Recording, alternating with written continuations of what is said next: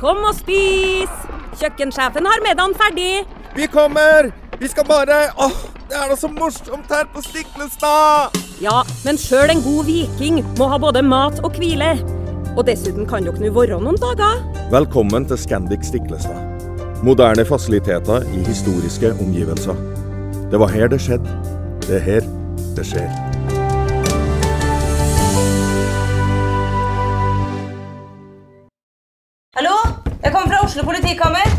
Ine Jansen er purk. Er du purk? The motherfucking bitch. Alt jeg vil, er å finne ut hva som skjedde med mannen min. Jon Carew. Er jeg sikta for noe? Iben Akeli. Det er du. Ole So, Lars Berrum og Big Daddy Karsten. Hvem sin side er du på, egentlig? Anette Hoff, Tone Danielsen, Kommer du fra Afrika? Jørnis Josef, Nesten. Kløfta. Trond Espen Seim, Det er synd å si det, men det var feil mann som døde. Purk. Premiere tirsdag på TV2 Play.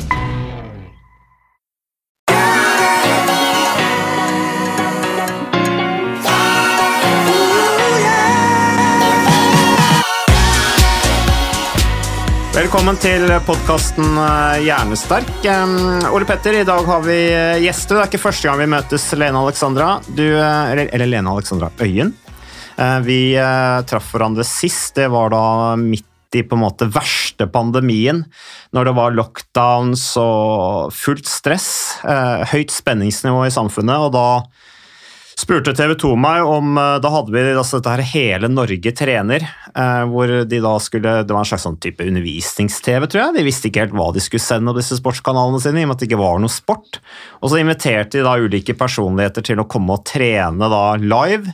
Og så ble dette her vist da på skjerm, sånn at folk kunne være hjemme og trene og bli inspirert. Og da tenkte jeg på deg, i og med at du er såpass engasjert i fysisk trening og vært personlig trener og alt dette her nå i mange år.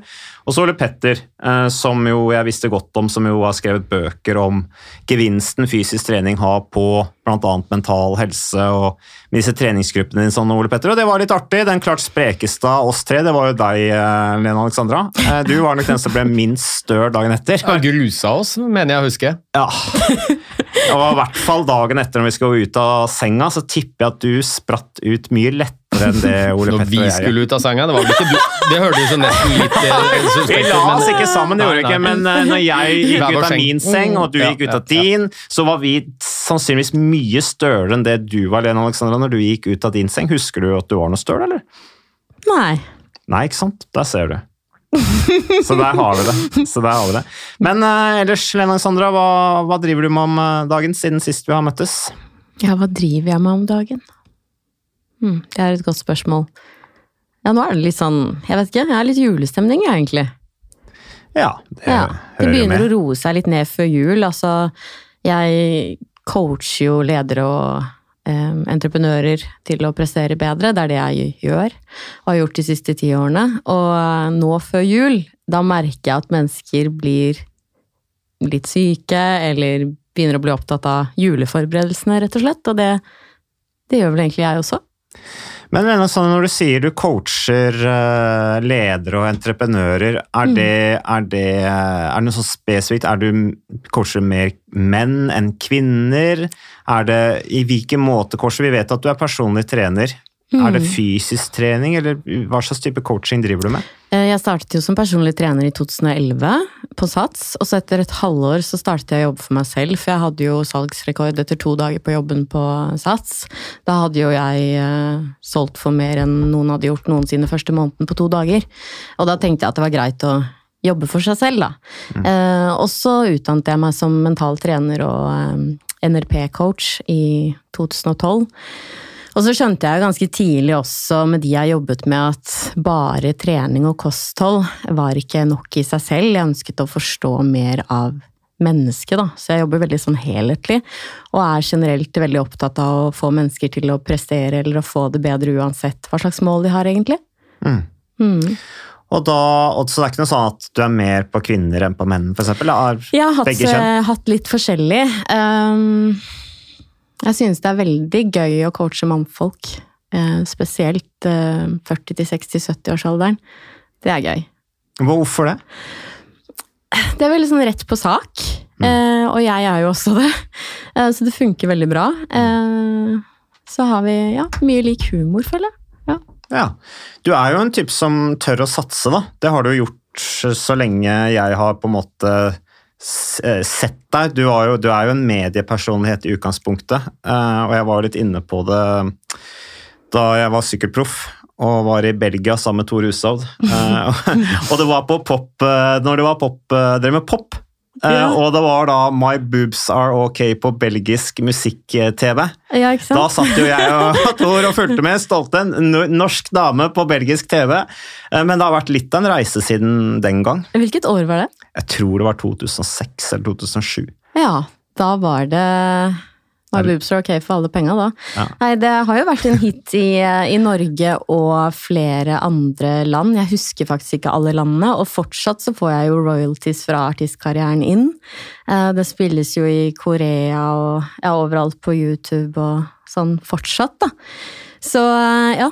Jeg var jo litt i tvil den gangen, husker jeg. Eh, om det kanskje kom til å provosere litt. At jeg med to eh, silikonpupper på 1,2 kilo skulle hoppe rundt og synge My Boobs Are OK. Men så tenkte jeg at eh, jeg hadde jo en drøm om å bli popartist da, fra jeg var lita, fra jeg var fire år og så på MTV. Så jeg tenkte at dette er den sjansen jeg får, eh, og valgte å kaste meg ut i det og gå all in, da. Og som regel når man går all in, så er det jo ganske stor sjanse for at det blir en suksess. Mm. Og det ble det jo. Ja, men du er jo en sånn som bare følger hjertet ditt og ambisjonene dine og setter lista høyt, da, for det er jo ambisiøst å skulle bli popstjerne. Um, men det er jo tøft òg. Du opplevde sikkert at det var ikke bare bare å, å holde seg på toppen, eh, eller komme dit og holde seg der og være aktuell. Det er jo, det er jo tøff påkjenning å være i media og skulle være aktuell hele tiden. Ja, Um, det har jo vært um, litt av en reise. Um, som barn så tenker man jo at alt er mulig.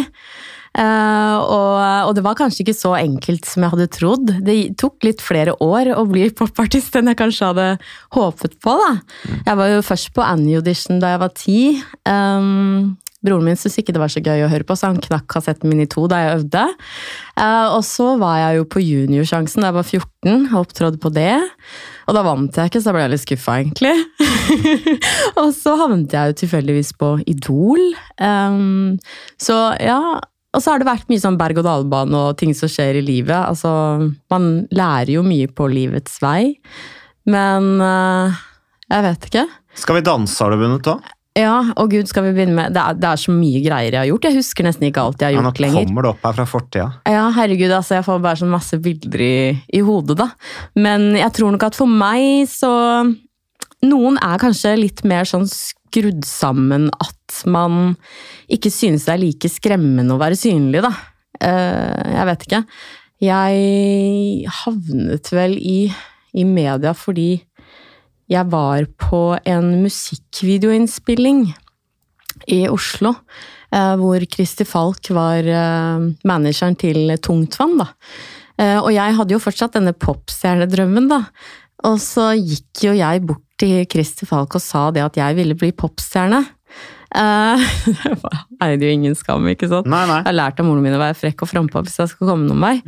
Uh, og så Det var jo ikke sånn at jeg på stående fot fikk noen platekontrakt. Um, men Christer overtalte meg til å bli med på Robinson-ekspedisjonen. Eh, og det syns jeg egentlig var litt tullete. Reality, hva skulle jeg med det? Men han klarte å overtale meg, da. Han er ganske god på det. Så han uh, sa at du kommer til å kunne utvikle deg, og du kan få et kjent navn, som senere kan kanskje gjøre at du får platekontrakt. Og da var jo jeg solgt, så jeg kastet meg jo uti det, da. Og da ble jeg på en måte den sesongens årets babe, da. Mm. Ja, det var det jeg var castet som. jeg visste jo ikke det, jeg. For jeg, jeg klarte jo ikke å se meg Ja, selv Ble det utenfra den offisielt årets babe? Var det en kåring? Ja, jeg Ja. kommer liksom på cover av FHM og Ja. mest sexy-list i, i England. Der var jo ikke vi Ja, nå, jeg, nå, jeg, jeg syns jeg erkjenner at jeg husker det, forresten. Ja, ja, Så- Du er litt sånn skapfan, du. ja, ja. ja, ja, ja, ja. Som jeg sa, Hushovde, jeg satt klistra så på belgisk musikkanal når du var der, Lene. Men det var litt kult da, at det var en norsk dame. Var det på dame. Jensens show? Det var i Nederland. Det var sånn TV-show jeg dro og opptrådte på, som liksom Beyoncé og, og Madonna og sånn hadde vært på. Nei, nei, det var ikke det. Det var bare musikkvideoen ditt som liksom Ja. rulla og gikk musikkvideo, og så plutselig kom din musikkvideo. Så, Ja, så kult. så, det, nei, så det er kult, det. Men, eh, men så, når var det du begynte å bli engasjert i dette med fysisk trening? Altså, i, den, I den perioden du var, for å gå litt tilbake til den perioden du var jobba inn som showbiz, da. Ja. Eh, var du opptatt av fysisk trening og, og sånne Ja. ting? da? Du Mm. var det da også? Det har jeg alltid vært, men øhm, det er jo mange ganger media å styre hva det er fokus på, da. Og det var jo mye pupper og lår en periode. Mm. Eh, Men jeg trente jo like mye da også. Det har jo alltid vært en stor lidenskap for meg. Da jeg var liten jente, så startet jeg med klassisk ballett da jeg var fire.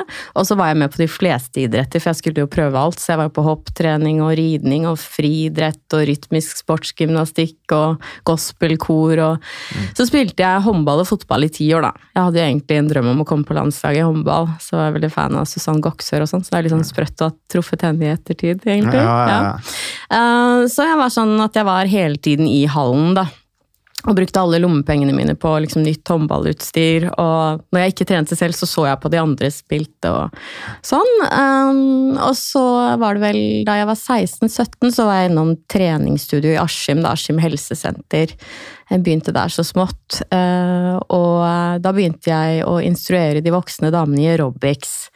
Så jeg hadde en veldig hyggelig dame på senteret som lærte meg opp, da. Som så mitt potensial der. Det var veldig fint. Så du har alltid likt å lede andre i, i forbindelse med fysisk aktivitet? Eller i hvert fall fra da, siden du var 16-17 år? Eller 17-18? Jeg har nok alltid hatt litt lead, ja. Vært litt sånn dominerende person. Ja, litt sånn girl, girl power, da. Ja, Eh, for det er jo ja. det, I det senere så har det på en måte blitt et sånn symbol for kvinner som ønsker å, å gjøre noe. Uh, ture å stå fram, uh, ture å satse. Uh, jeg, jeg føler at du har blitt litt sånn person som har stimulert til det, da. Takk, det er i så fall veldig, veldig hyggelig å høre, da. Um, jeg eh, Ja, jeg er vel litt sånn som tar sjanser, ja, egentlig. Um, da jeg spilte håndball på slutten, så var jeg jo ballfordeler. Og sørget for at alle skårte mål og sånn.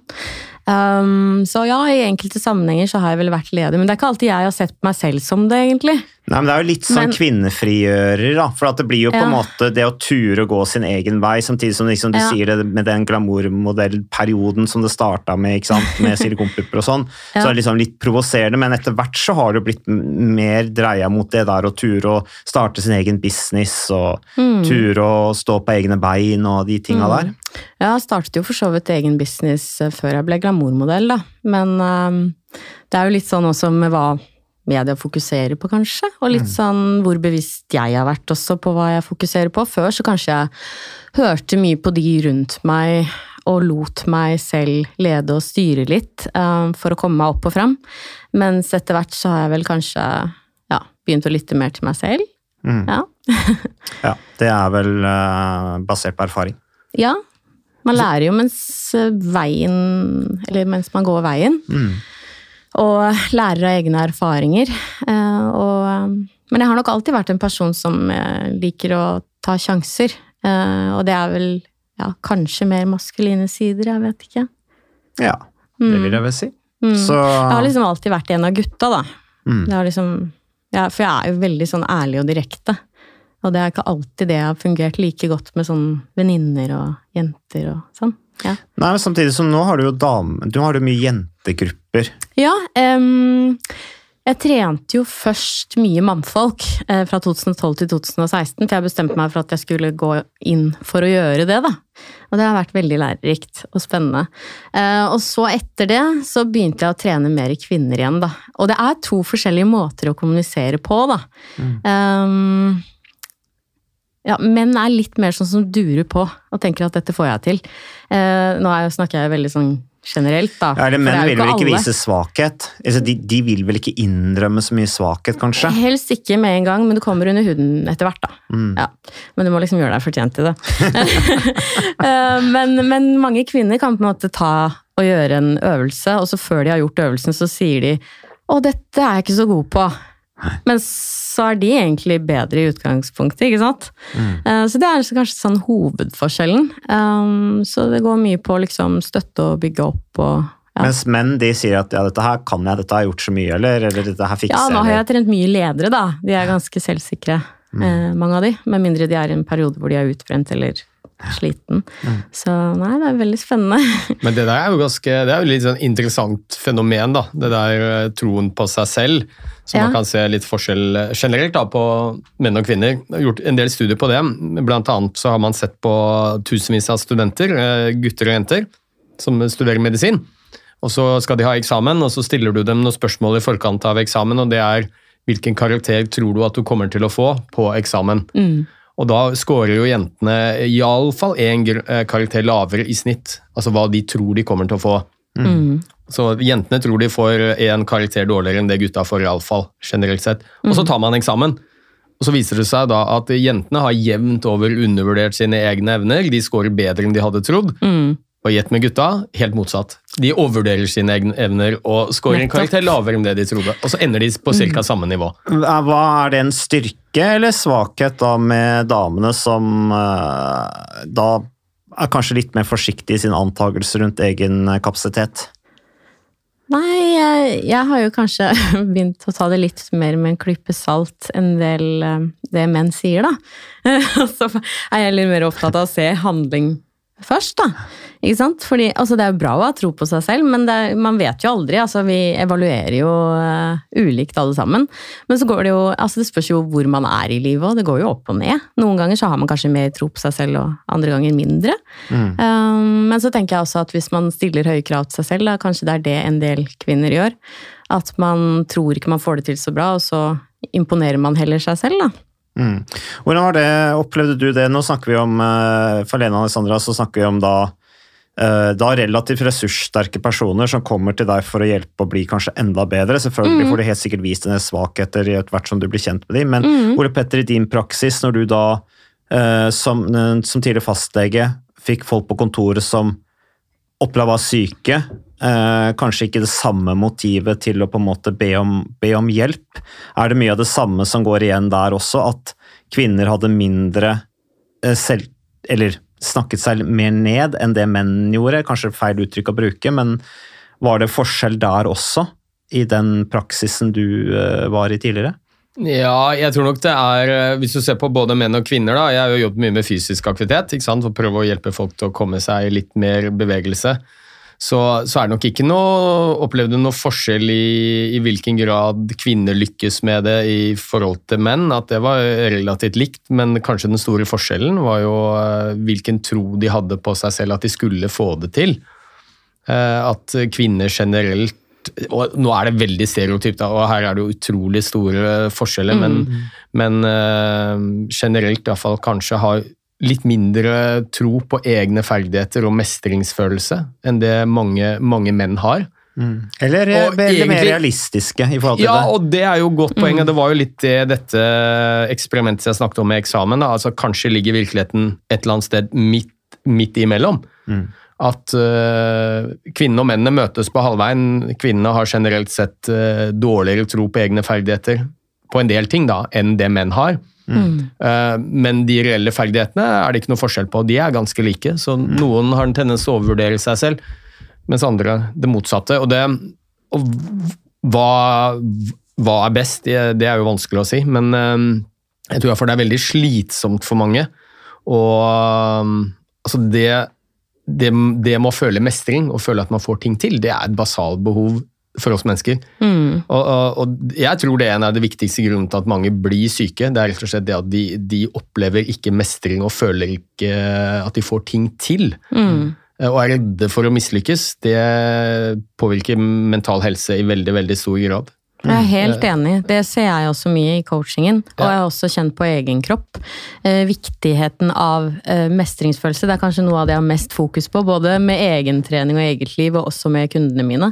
Det at folk føler at de får det til for å holde seg motivert videre. Fordi mestring gir jo økt selvtillit. Eh, og det er jo veldig interessant også, da. Eh, fordi eh, mange menn for eksempel kan jo kanskje like å sammenligne seg med der de var da de trente før, ikke sant? så vil de helst starte veldig hardt. Men da kan man jo faktisk eh, gi opp, fordi man føler man ikke får det til. Så ofte da så legger jeg lista litt lenger ned, og så heller starte litt mer forsiktig, sånn at man føler liksom at Wow, dette er jeg god for, det får jeg til. Fordi da er det jo større sjanse for at man fortsetter, og jeg tror det er det som er en av de største grunnene til at mange starter jo i januar, da, som snart kommer i 2022. Og så slutter de kanskje slutten av januar allerede, ikke sant? fordi de har startet for hardt. Ja, ja. Så det er jo det som er trikset. Fordi jeg, jeg husker da jeg startet som PT i 2011, vi hadde jo lært på PT-utdannelsen at ja, man må jo trene de hardt, så du får skikkelig valuta for penga. Og jeg gjorde jo det som jeg hadde lært, da. Så noen av mannfolka spydde jo i søppelkassa, liksom. Eh, Men etter hvert så har jeg liksom lært meg til at eh, vi må ta det litt piano. Og så bygge stein for stein. Vi må ha en god grunnmur. Og eh, nå er jo fokuset mer på, eh, på teknikk og ja, det å forebygge skader, da, først og fremst, eh, før man liksom er skikkelig i gang. Men eh, er det noe sånn hvem, hvem, Du snakker om at det er ledere og så videre som kommer til deg. Eh, men sånn, kan du si, er dette her De som kommer til deg, er de generelt god fysisk form og vil bli enda bedre fysisk form? Eller har du også de som er i skikkelig dårlig form, som ikke har trent på mange år, som har begynt å kanskje utvikle livsstilsutfordringer fordi at de ikke har tatt vare på seg sjøl? Eh, Jeg har eh, forskjellige typer caser, da. Eh, Nå har jeg jo nettopp hatt en forretningsmann som har gått ned 15 kilo på 12 uker og kom på tredjeplass i styrkeløftkonkurranse. Han trente jo en del fra før, da. Naturligvis. Men så har det jo noen som ikke har trent noen ting. Så nå på nyåret så skal jeg jo hjelpe noen med å ja, bli friskere og gå av medisiner. Så det er jo hva skal jeg si, noe prestasjon, noe krisehåndtering, endringsprosesser. Eh, litt forskjellige behov folk har, da. Så det er jo det å først kartlegge det og se hvert enkelt menneske. Og noen ganger så kommer jo folk til meg på og har estetiske mål og tenker bare på trening, og så ender jeg opp med å hjelpe de å bytte jobb. Mm. Og så støtter jeg noen i skilsmisser. Det er veldig varierende. Jeg må på en måte se mennesket der de er, da. Mm. Men er det sånn at uh, de kommer uh, altså de kommer, Du nevner estetiske grunner, men så blir de kanskje mer bevisst seg selv også etter hvert som de kommer i gang med treninga og begynner å tenke over effekten de har av det, utover at de kanskje går ned i vekt eller mm. får litt større muskler? Ja, jeg jobber jo kanskje litt annerledes enn mange andre som jobber med trening, fordi at jeg har den bakgrunnen jeg har. Eh, Og så er jeg veldig nysgjerrig og veldig interessert i mennesker, så jeg stiller jo mange spørsmål for å bli best mulig kjent med de, og kartlegge og se om det er noen ting vi kan forbedre. For jeg syns jo det er veldig gøy å gjøre andre bedre, uansett om det er eh, kroppssammensetning, styrke eller på privaten eller i livet generelt, da. Og når man stiller mange spørsmål, så finner man jo ut av ting, da. Uh, og får jo høre om menneskers historie, og ja, så plutselig oppdager jeg ting som kanskje ikke de selv visste om seg selv, da. Så nå nettopp så, så sendte jeg noen videre til psykolog, for eksempel, ikke sant. Fordi det var ikke mitt felt, da. Så Nei, ikke sant. Men uh, nylig gikk du ut uh, eller, eller gikk ikke ut, uh, Lene Alexandra. Jeg følger deg på Instagram. Jeg har ikke fulgt deg jeg tror jeg satt hjemme da jeg skrev. Ja, du, du, du gikk ikke ut på byen, og så, du, men du, du satt hjemme og skrev i, Dette var i går, nå er vi altså på 6. desember. Eh, men du skriver om i 2018, da du gikk ned, fortellingen du har vært på God morgen Norge og snakket om det. Eh, jeg klarte ikke å se noe positivt i livet mitt og følte at jeg var mislykket. Eh, også at du, var, du har vært inne på psykiatrisk eh, behandling hvor- oppe på eh, Hvor var det du trenger ikke nødvendigvis å spørre om hva det er, men du har i hvert fall hatt et opphold. Og så skriver du om at du laget en powerpoint-presentasjon hvor du forsøkte å minne deg selv på hva du hadde fått til i livet. eh, og hva du skulle fokusere på som du var takknemlig for. eh, og i tillegg hadde du en dyp depresjon. du hadde ikke noe troa på deg selv, og trodde aldri at jeg skulle klare å komme på beina igjen, skriver du. Um, og så, siden 2018, så har du gått i terapi. Vært krevende, skriver du, eh, men eh, det blir ofte verre før det blir bedre. Og så har du nylig fått ADHD-diagnose, og da gikk det opp for meg, skriver du. Og vi har jo fått noen spørsmål fra eh, kvinner, voksne kvinner som har ADHD, for vi har snakket mye om barn. Men eh, hva var det som gikk opp for deg når du fikk diagnosen ADHD? Ja, hva gikk opp for meg, egentlig? Um, Jeg hadde jo aldri trodd at jeg hadde det. Jeg har liksom aldri tenkt på det. Um, skulle jo selvfølgelig ønske at jeg fant ut av det før. Jeg har fått mye feildiagnoser, og jeg var jo psykolog allerede da jeg var 14 år. Uh, og så er det jo sånn, uh, har lært en del om det da i det siste, og hvis du ikke blir utredet som barn, så kan du jo få mange andre tilleggslidelser, da, som spiseforstyrrelser, depresjoner, angst, personlighetsforstyrrelser. Så det er jo ikke rart at livet mitt har vært en Ja, for det har vært gjennom hele den runden. Ja, det har vært mye, da, ikke sant. Um, så, så det er litt deilig å få, um, få litt klarhet i ting, da, eh, kan du si. Eh, og nå går jeg jo på medisiner også, og det er jo en helt annen verden. Det er ADHD du snakker om da, medisiner. Ja. Mm. Ole Petter, eh, hvor mye erfaring har du med voksne og diagnosen ADHD? Vet du, Vi har snakket om en du kjente som du beskriver i boka di også, en mann. En, en, mann. Men eh, kvinner, har du møtt noen voksne kvinner som plutselig har fått diagnosen ADHD?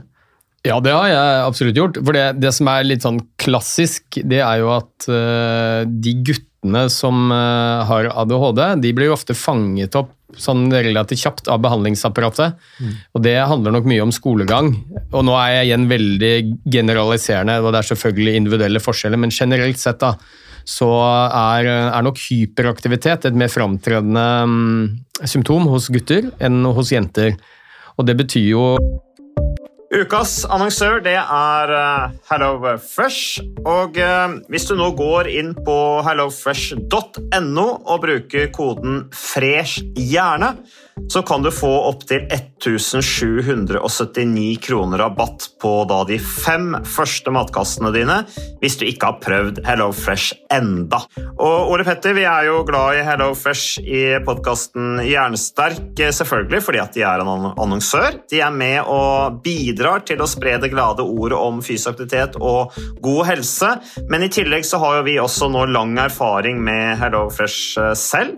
Så vi må jo si at det har vært gode erfaringer til nå. Ja, absolutt. Visste du, Mats, at HelloFresh det er faktisk verdens ledende matkasseleverandør? Og tilbudene til HelloFresh gjør det enkelt å lage gode og varierte retter som skaper matglede. Og matglede vet du, det er like viktig som hva du putter i munnen. Det å spise mat med folk du trives med. Så gjennom 25 nye og inspirerende retter hver uke så bidrar HelloFresh til dette. Du kan bestille ekstra porsjoner om du får gjester, eller hoppe over uke hvis du f.eks. skal bort. Og Det er ingen bindingstid, og du velger leveringstidspunkt og dag selv, så leverer HelloFresh matkassen din akkurat når det passer deg. Ikke dårlig, Mats. Nei, det er veldig bra. Så, øh, og dette er med enklere hverdag, det kan jeg nå skrive under på. For nå, forrige erfaring vi hadde forrige uke, Ole Petter, det syns jeg var Det var jo et gjennombrudd øh, for familien Kaggestad. For da lagde rett og slett barna De lagde middag og serverte middagen, så den var ferdig laget og servert da når eh, min kone Marita og meg kom hjem fra jobb. Og jeg mener, det var jo bare helt utrolig. Eh, Det var helt fantastisk. Det ble en nydelig middag. Riktignok, de, de, de, de roter og søler litt, det gjør de. Så, men, men maten ble veldig god. De var veldig stolte over å kunne ha både laget og servert maten, så det var helt fantastisk. Så vi har jo da i siste så har vi eh, spist eh, bl.a. sitron- og dillstekt hyse med ovnsbakte grønnsaker og aioli. Eh, Vi har spist middelhavsinspirert kylling. Taco, så finnes det mange ulike typer taco. F.eks. vietnamesisk taco, som vi har spist. Thailandsk vegetargryte. Veldig riktig og sunt eh, i dagens eh, samfunn med, med fokus på bærekraft. Hvitløk og chilistekte reker i spagetti, det var definitivt en vinner. Så det er så flott. Du får rimelig mat ved at du kun betaler for det du trenger, så det blir ordentlig feststemning med Hello Fresh. Det gjør det, og nå er det bare for deg å gå inn på hellofresh.no og bruk koden FRESH hjerne. Da får du opptil 1779 kroner rabatt på de første fem matkassene dine, hvis du ikke allerede har prøvd HelloFresh. Du kan også bruke rabattkoden hvis du har stoppet abonnementet ditt for tolv måneder siden eller mer. Er det noe å lure på? Håper maten smaker godt. Bon appétit! veldig ofte da, at gutta kan eh, litt lettere havne som problembarn på skolen. De klarer ikke å sitte stille i ro, og så er det tur til helsesøster og fastlege og bupa. Mens jentene, som i mindre grad da, eh, virker det som er plaget med mm, hyperaktivitet, kanskje en større utfordring er konsentrasjonsvansker. Så, så er det ikke alltid de blir like tydelige i, i barndommen, men sånn generelt sett så ser vi, har iallfall jeg møtt mange voksne kvinner som kommer, gjerne i forbindelse med studier eller jobb, hvor de merker at det påvirker hverdagen deres. Kanskje spesielt dette med vanskeligheten med å konsentrere seg om en oppgave av gangen og, og fungere i jobb, og så kommer de da på eget initiativ Mm. til, til fastlegen. Så um, ja, det er ikke uvanlig det. Det er jo voksne menn også, men um, flere av de blir fanget opp tidlig. Nettopp fordi hyperaktiviteten blir så synlig i skolehverdagen, Mm. hvor barna skal sitte stille. Mm. Men i hvilken grad tror du det kunne hjulpet deg hvis du hadde fått diagnosen tidligere, Lene Alexandra? Egentlig, altså, akkurat nå så tenker jeg at eh, det har vært en fordel, fordel egentlig at jeg ikke har visst det. Mm. For jeg har bare liksom kastet meg ut i ting og tatt sjanser og jeg er litt usikker på om jeg hadde vært der jeg er i dag hvis ikke, eller altså, hvis jeg hadde visst det før. Um, For ikke, har ikke vi snakka litt om det, Ole Petter? At eh, Det har i hvert fall jeg sagt, da, kanskje litt flåsete også. Altså, jeg er ikke ekspert i det hele tatt, men uh, til en viss grad kan ikke dette med ADHD også være noe positivt? Altså hyperaktivitet, flott, da har du masse energi. Uh, hvis man bare får det ut på en positiv måte. Jeg tenker at det er både positive og negative sider ved diagnosen. Eh, og det er jo ikke noe sånn at eh, alle dager er der at du bare er full av energi og on fire. Altså, man kan jo slite seg ut, eh, selvfølgelig. Og man kan bli utbrent, man kan få angst, man kan få depresjoner. Eh, så det er jo bedre hvis man vet litt om det og kan sette det i system, da. Og lære seg selv å håndtere den gassen og bremsen, så det ikke bare er gass-gass, så man ender opp på sykehus og psykiatrisk og sånne type ting. Men ja, hvis man klarer å håndtere det, da, sånn som mange gjør. Det er jo veldig mange suksessfulle entreprenører og toppidrettsutøvere som har det. Eh, og da er det jo superbra, hvis man kan liksom kanalisere den kraften på en positiv måte. Da. Eh, og det også at man ja, tør å ta sjanser og kanskje ikke tenker så mye over konsekvenser før man kaster seg ut i ting, kan jo i mange tilfeller være bra også. Jeg, jeg pleier i hvert fall å si det, at eh, ADHD ser på det som et Det er sett med egenskaper som er med på å definere deg og din atferd, men som kanskje ikke blir tilstrekkelig satt pris på i dagens samfunn. For vi tror jo faktisk at disse Altså, dette er en ganske gammel tilstand, mm. sånn evolusjonsmessig, og, og de genene som er med på å øke sannsynligheten for at noen får eh, ADHD, de har vist seg å ha overlevd over 50 000 år med evolusjon. Og da er jo litt sånn spørsmålet hvorfor har vi beholdt disse genene, som bare skaper problemer for oss i hverdagen. Um, og så tror man kanskje at det å ha hatt disse symptomene på ADHD, da, det het jo ikke det den gangen, men at det kanskje ga en overlevelsesfordel. Men ikke i dagens samfunn, hvor vi stort sett eh, Du ser på nesten alle arenaer som både barn og voksne er på, f.eks. skole og arbeidsliv, så er mye fokus at man skal sitte stille, og så skal man fokusere og konsentrere seg.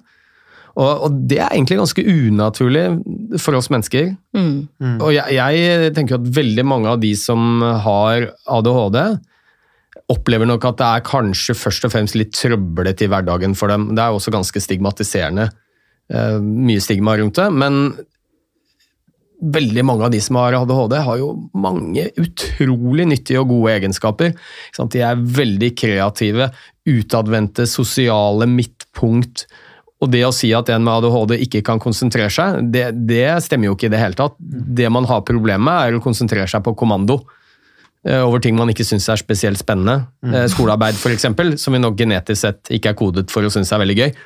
Da er det mer artig å være i bevegelse, men eh, mange pasienter med ADHD kan jo hyperfokusere i en hel dag, hvis, det- er noe de brenner for. Sitte og være ekstremt konsentrert. Men det fokuset som da La oss si eh, Det kan jeg jo eksemplifisere. Ja. Eh, For eksempel på, på skolen, eh, barneskolen og ungdomsskolen. Da satt jo jeg bare og dagdrømte ikke sant, om å bli popstjerne og den type ting. Så jeg var jo ikke så interessert i det. Og, og vi spurte jo om hjelp også på ungdomsskolen, og da sa de jo at jeg var bare ugrei, ikke sant. Um, Så du var ikke som skoleflink? Eh, Jeg var ikke dårlig, men jeg var ikke så opptatt av det. Jeg skulle jo bli popstjerne. Eh, Ja, jeg, jeg skulle bli proffsyklist, så jeg kjenner meg veldig igjen. Ja, ikke sant? Altså, da jeg gikk PT-utdannelsen, da, eh, så fikk jeg jo en av de beste besvarelsene i klassen. Ikke sant? Eh, og for eksempel Skal vi danse, da, når jeg gikk all in eh, og ikke gjorde noe annet ved siden av, da vant jeg jo. Mm. Eh, så det er litt sånn som man sier, da. Eh, det med hva er det du egentlig har lyst til? Så egentlig kan du jo si det sånn at eh, man er mer fokusert på målet. Og ja, har evnen til å gå veldig all in, da. Ja, og det tenker jeg det er, det er en veldig god egenskap, samtidig som det er kanskje noe med balansen, tenker jeg da, hos mm. de som har ADHD, at hvis man går veldig all in, mm. setter lista høyt, jobber knallhardt, kanskje kommer til målet, at det kanskje da koster så mye mentalt da, at du kan få en nedtur, mm. og kanskje at du er mer eh, sårbar for, eh, for eh, depresjon. Hva tenker du om det, Ole Petter? Ja, Hvis du mener om de med ADHD er mer eh, utsatt for depresjon? Ja, for jeg tenker på hvis de går veldig all in, da. Ditt eksempel, da, sånn. Ja, jeg har sant? Du går mye all in, jobber knallhardt, ikke sant? full energi, Mm. eh, når et mål, og så, og, så, og så kan du kanskje få nedturer. Er, har det på en måte vært eh, relativt Det har skjedd for deg? Ja, jeg tenker at det er ganske logisk. Ja. Når man gasser for mye og ikke bremser, så sier det seg jo selv at det kan bli litt sånn over the top, og at man da blir utbredt eller utslitt eller sliten, og da blir deprimert. Det er jo litt logisk. Eh, Så det er jo det å da ha folk rundt seg som spotter det og kan kanskje holde litt igjen, da. Eh, Eller å lære seg det, da. Nå, nå tror jeg kanskje jeg har lært. Ja, for du sa jo før vi satte på rekordknappen her, så sa du at eh, du gleda deg til jula, du skulle feriere. Eh, Roe ned. Mm. Og er ikke det en ganske sånn viktig egenskap man snakker om i idretten? Periodisere, det der å, å unne seg å hvile innimellom de tøffe treningsperiodene og sånne ting. Og har, du, har du vært flink til det, eller har du hele tiden satt i gang prosjekter som gjør at du er avhengig av at du går all in? Jeg har definitivt satt i gang mange prosjekter og kastet meg uti ting for å følge drømmer og nå målene mine hele livet, og det har vært kjempegøy. Eh, Men jeg har jo selvfølgelig gått en del på trynet. Jeg har jo vært utbrent to ganger. Eh, Og første gangen lærte jeg ikke, og nå håper jeg jo jeg har lært, men samtidig, jeg liker å pushe grenser, da. Så nå har jeg jo gått i terapi, omfattende terapi, to ganger i uken i tre år. Og ja, jeg føler kanskje at jeg har eh, blitt enda bedre kjent med meg selv, da. Mine styrker og svakheter. Så håper jeg jo at jeg kan være litt flinkere til å navigere framover. Hmm. Men uh, hva i forhold til dette her med diagnose og så videre, og er, føler du at det var viktig for deg å få den diagnosen? Jeg tenker at uh, det er aldri feil å bli mer kjent med seg selv og mer bevisst på seg selv, styrker og svakheter. Um, få mer kunnskap, da, generelt. Jeg er veldig opptatt av å utvikle meg, og jo mer jeg kan og vet om meg selv og lære meg selv å kjenne, jo lettere er det jo å ta avgjørelser i livet, da. Sånn at man forhåpentligvis ikke ender opp i en dyp depresjon igjen. Du sier jo at du eh, Nå har du jo Jeg har fulgt med Det er mange år du har holdt på med trening og sånne ting, og, og jeg fanga opp du Jeg begynte å følge deg først på Twitter, husker jeg, for du begynte å skrive om, om trening oh, ja. og så videre. Eh, og så og så, eh, Nå som du Du har jo hatt disse jentegruppene, eller kvinnegruppene, med dette med styrke. Mm. Eh, treffer du mange som du kjenner deg litt igjen i, som du kanskje ser at uh, her er det en som er litt lik meg, uh, som du da kan gi råd på bakgrunn av dine erfaringer? Ja, definitivt. Altså, jeg Det er vel kanskje en av mine styrker, det å um, se mennesker og lese mennesker og uh, ja, se hva de har for potensial, da. Og hva slags bakgrunn de har, og se Ja, prøve å dytte det i riktig retning, da.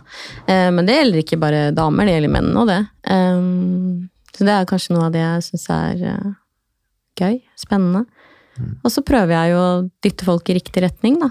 Komme med noe innspill. Selvfølgelig, jeg har jo ikke fasiten, men eh, jeg er jo interessert, og ved å stille spørsmål så skaper vi også en bevisstgjøring, da, sånn at mennesker starter å tenke, og så finner de ut av ting selv, for vi har jo alle svarene i oss, egentlig.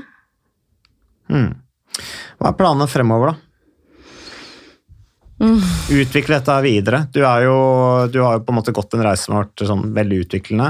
Eh, hva, hva er veien videre nå i forhold til å fortsette å eh, hjelpe andre? Uh, bruke element av fysisk trening i det? Du, akkurat nå så er jeg ganske um, drømmende. Ganske åpen. Jeg tenker at det er veldig mange muligheter uh, for framtiden. Og jeg tror at det kommer til å dukke opp eh, mange flere spennende ting. Så jeg har ikke tatt noen sånne store avgjørelser, egentlig. Eh, kanskje jeg har lyst til å gjøre noe helt nytt. Mm. Jeg hadde egentlig spørsmål her, eller noe sånt som jeg tenkte du kunne, for vi har jo mye, vi har mye kvinner som eh, sender oss spørsmål. Um, Mens du leter etter det, Mats, kan ikke jeg bare få lov å svare på det ene spørsmålet? For Jo. som jeg ikke helt fikk eh, svart på, det med depresjon og ADHD. Ja. For det hadde jeg lyst til å si litt om, fordi eh, nå, har vi jo, nå kan vi gjennomlyse hjernen, i anførselstegn altså, eh, hos levende mennesker, med sånn PET-scanning og funksjonell MR. Ja. Og da har vi jo for første gang klart å kunne se det at de som har ADHD-diagnosen, altså de som har ADHD, det er, da er det litt sånn strukturelle forskjeller i hjernen i enkelte områder. Blant annet de delene av hjernen som styrer belønning, Mm. eh, som blant annet kan nok forklare at eh, mange av de som har ADHD er, er litt mer sånn risikosøkende i sin atferd. Det er en overhyppighet av eh, sant, ekstremsport og altså, det er rett og slett at man har et belønningssenter som kanskje er litt mindre følsomt for dopamin. Man må ha enda større kick for å kunne oppleve samme belønning som Man kanskje hoppe ut fra et fjell for å få samme belønning Ah. som en annen person får ved å sykle fort, ikke sant? kanskje derfor du setter lista høyere òg, da. Det kan godt tenkes. Nei, og så ser vi forskjeller i eh, områder av hjernen som styrer med impulskontroll. Ikke så veldig overraskende, kanskje områder som styrer med konsentrasjon. Eh, Men vi ser også at eh, en del av de områdene som har strukturelle endringer hos de med ADHD, det er også områder som styrer humøret vårt. Mm. Som er med på bl.a. Kjemisk, et kjemisk stoff som heter serotonin, som vi av og til ser en ubalanse i hos dem med ADHD også. Så, så det er nok grunn til å tro at det er en liten sammenheng der. Altså, Mm. rett og slett at det er overhyppighet av depresjoner hos de med ADHD. At det er forskjeller i en del hjerneområder. Som jo- ikke, ikke bare styrer med konsentrasjon og oppmerksomhet og aktivitet, men også humør. Men er- egentlig de med øh, manisk altså, Kan ikke det sammenlignes litt med sånn manisk depresjon? Altså veldig opp og ned? Noen har jo ADHD og manisk depresjon, men jeg tror ikke du skal sammenligne det helt. Um, Men i hvert fall da, bare sånn ref det du snakker om i forhold til å ha eh, litt um, andre strukturelle forskjeller i, i hjernen. Det er vel det at um, den fremre delen, er det vel, som uh, man resonnerer og tenker før man gjør ting, er vel ikke helt utviklet.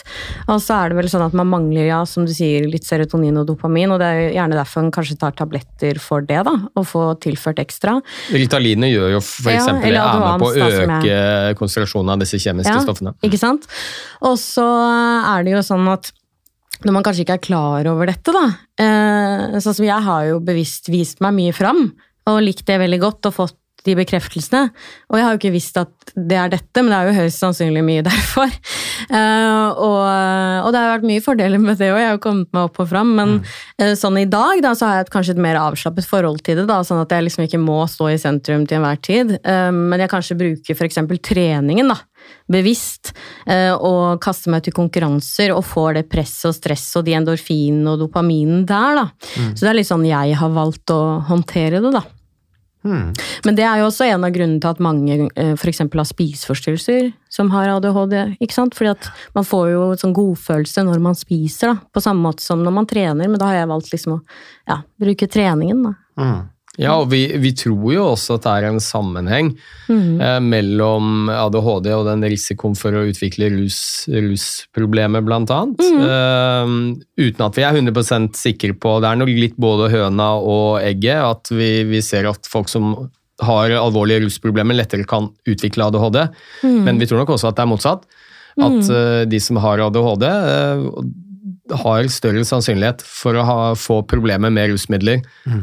Og det kan jo handle om mye av det samme. Alle rusmidlene vi kjenner til gir en belønning i form av dopamin. Mm. Og hvis du har et mindre følsomt eh, belønningssenter, så vil du si at du må ha enda større dopaminutskillelse Mm. for å få samme glede og opplevelse som andre kanskje ville få ved å ta seg en kaffe. Så må du ty til sterkere stoffer. Ikke sant?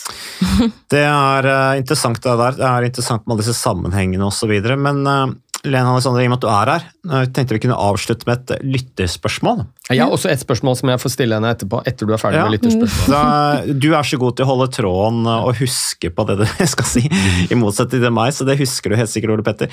Men her står det Hei, først og fremst må jeg si jeg elsker podkasten deres, høres på den uken ukentlig, og den har hjulpet meg og motivert meg i gang med treningen igjen for to måneder siden, etter en liten periode uten noe trening og liten motivasjon. Det er jo flott at hun er i gang igjen. Jeg er en jente på 21 som trener ca. fem dager i uken. Jeg trener litt forskjellig. Jeg trener både kondisjon og forskjellige måter, og også styrke på treningssenter. Jeg har en veldig fysisk jobb og elsker en aktiv hverdag. Jeg har også hund med stort behov for aktivitet og mye turer. Eneste problemet er at når jeg trener på treningssenter, på den måten jeg ønsker for å få resultat, så blir jeg så støl dagen etter.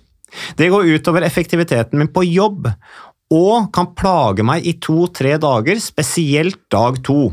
Er det noe spesielt man må gjøre for å unngå dette i den grad det går? spørsmålstegn. Og er det dumt å fortsette å trene, skråstrekk skråstrek trene den muskelgruppen, når man er ganske støl? Håper på svar fra dere, med vennlig hilsen Julie. Mm. Ja, nei, det høres jo litt ut som om det kan ha med totalbelastningen å gjøre, da. Jeg tror nok vi alle har vært der, at vi kanskje har overdrevet på flere arenaer, og da, da sier jo kroppen ifra, da. Eh, og jeg, jeg jo, nå er jeg jo 40, det er først nå jeg har begynt å klare å finne balansen. Så det er jo det å da ja, enten trene litt lettere eh, eller mindre. Eh, Ja, eller, eller det at hun har startet å trene igjen for to måneder siden. Dette er et ganske ferskt spørsmål. ja, ja, må jo starte forsiktig, lytte to til kroppen. måneder, det er jo ikke sånn Ja, det er som du sier, Lene, kanskje hun har gått på litt for hardt for Mm. men det er vel bare å fortsette å trene, og at den stølheten etter hvert går over, eventuelt går litt ned i, i antall kilo, eksempel. Øke Mm, antall reps, eventuelt. Jeg vet ikke. Ja, det beste måten å unngå stølhet på, det er jo bare å trene mer. Jo, men helt seriøst, altså, Stølhet tenker vi jo kanskje på som noe som er litt uheldig og plagsomt, men det er jo egentlig i stølhet at gevinsten ved trening ligger, eh, hvis vi snakker om muskelstyrke f.eks. Mm. Det er jo rett og slett at den belastningen du utsetter muskulaturen din for, den er større enn det muskulaturen tåler. Og da blir det sånn bitte små eh, mikrorupturer og mm, rett og slett muskelfibre som blir litt overbelastet. Og så starter de en reparasjonsprosess som da oppleves som stølhet, som gir smerte og ubehag. Men det er jo en adaptasjon, en tilpasning. Så neste gang, hvis det går litt tid, og du gjør den samme øvelsen igjen, så vil du bli mindre støl. Mm. du har gjort det. Altså, kroppen tilpasser seg en ny be eh, belastning. Så jeg tenker nå at med mindre det der er veldig plagsomt og utover livskvalitet og bare du ikke havner på sykehuset med rabdomyolyse, som alle har hørt om nå i Ja, det siste. altså det er jo en balansegang. men hvis dette er gode og sunne treningsvaner, men at du blir støl ved belastning av en gitt uh, muskelgruppe, så er jo den beste måten å unngå stølhet der framtidig, er jo bare å fortsette å trene den samme muskelgruppen. Gjerne litt hvile imellom, men det er jo ikke noe farlig å trene muskler som er støle. Nei, og så tenker jeg også Det som er positivt her, at det er en veldig aktiv eh, jente. Veldig opptatt av liksom, følelsen av, av trening osv. Og, så videre, og veldig motivert for å trene. Dette at hun går tur med hund og sånne ting, det vil jo da ha den gevinsten at øker blodsirkulasjonen og gjør at man kanskje fordøyer den harde treninga. Det bør hun jo også fortsette med, da, hvis hun går på så hardt at hun blir så støl. Mm. Litt vanskelig når vi ikke har møtt henne. Ja da, det, er, Ja. finnes det mange, Det det mange forskjellige spørsmålene. sånn skrivebordssvar. Ja. Ja, Nei, ikke sant? men eh, Folk har jo så ulik oppfatning av seg selv også, ikke sant. Så når noen andre kommer inn og ser det utenifra, så kan det være at det er eh, for mye eller for lite. Det er Ja da. vanskelig å si. det, det må tilpasses, og da bør man Mm. kanskje få noe som tar litt nærmere titt på det. Men jeg, jeg får ofte en del tilbakemeldinger fra mange som de er litt redde for å bli støle, for de er redde for at det er skummelt. Mm. Og det er det jo i utgangspunktet ikke. Altså, stølheten kommer for du har gjort en innsats. Jeg ble, mm. Det er jo gevinsten din, den ligger jo i stølheten. Det er jo, det er jo da du får belønning. Mm. Du har jobbet uh, og belastet kroppen din litt mer enn det den tåler. Da må den reparere seg selv, ja, og så blir den enda sterkere. Eller litt annerledes enn mm. det du har gjort tidligere. Så um, ja, nei, så Julie, bare fortsett, du. Det er gode arbeid. Og så går det an å ha noen lettere uker innimellom. Eh, det tror jeg også er greit. Altså Hvis man kjører ja. på veldig hardt så, Hver trening skal jo ikke nei. være en trening hvor du slår rekorder. Nei. Så ha noen uker hvor du trener litt lettere innimellom. Det kan være en god idé. Så, men uh, Ole Petter, du hadde et, øh, noe du ville ja, avslutte med? Egentlig både en kommentar og spørsmål. For jeg, jeg, var jo ikke like opptatt av puppene dine som Nei. Mats og, så bra. og Husov var. I 2006. Nei, jeg husker ikke helt hva jeg drev med. Men jeg, altså. jeg, jeg, hadde selvfølgelig hørt om, hør, hørt om deg da også, og mm. jeg tror vel kanskje veldig mange kjenner deg mest fra media og showbiz og sanger og reality osv. Jeg har mest fulgt deg i sosiale medier eh, som en folkehelseaktør. Mm. Hvor du jobber for folkehelsa. Og det, er, og det jeg har lyst til å hylle, hylle, hylle, deg litt for, for jeg opplever at du gjør en veldig viktig jobb. Ved at du er veldig synlig eh, og har mange følgere. Som, og du snakker veldig åpent om eh, ikke bare livets oppside, men også berg-og-dal-baner. Og de vanskelighetene du står i også, og jeg tror det der er utrolig viktig. Uh, for man får jo ofte sånn inntrykk av en som er på Robinson og vinner Skal vi danse og ikke sant? Du er perfekt. Uh, og det er ingenting som kan påvirke deg. Og det å da tørre å stå fram og vise at man er bare et menneske mm. med sine sårbarheter og vanskeligheter man har vært gjennom, og du snakker åpent om det, mm. det, det, tror jeg er utrolig viktig. Det er vel derfor også mange Takk. blir inspirert, vil jeg tro, av blant dine følgere. Ja, eh, Takk. Jeg, jeg syns det er veldig hyggelig at du sier det, for det første. Det har jo vært en vei å gå. Altså fordi jeg var jo på et tidspunkt der at jeg ikke kunne gå ut døren om jeg ikke hadde perfekte negler og hår.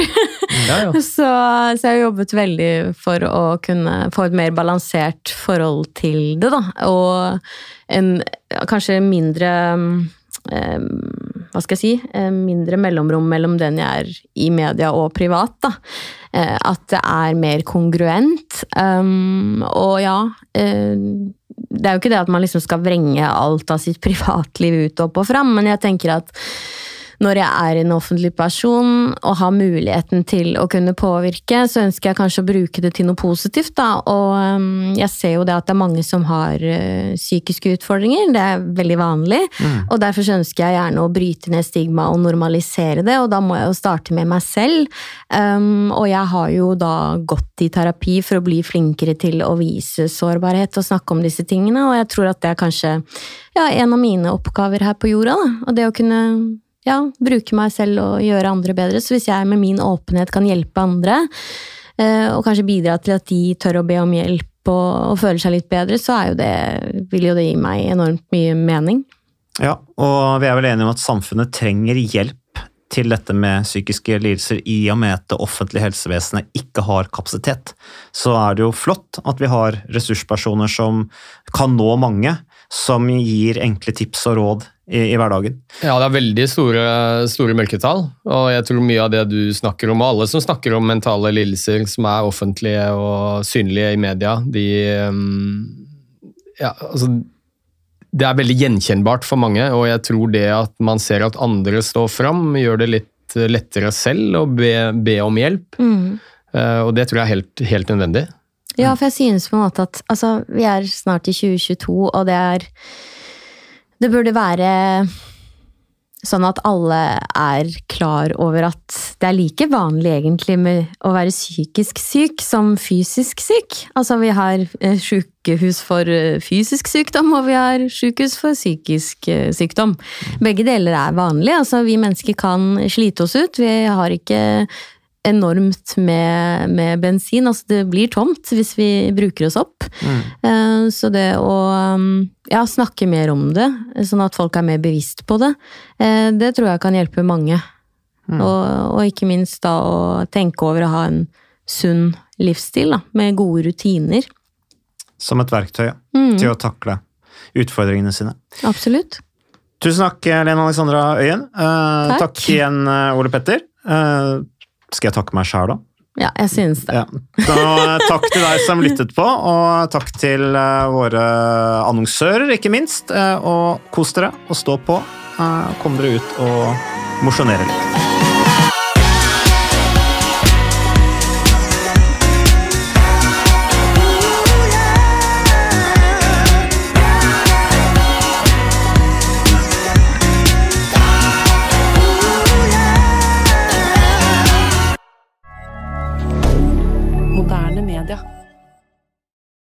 Har du et enkeltpersonforetak eller en liten bedrift? Da er du sikkert lei av å høre meg snakke om hvor enkelt det er med kvitteringer og bilag i fiken, så vi eh, gir oss her, vi. Fordi vi liker enkelt. Fiken superenkelt regnskap.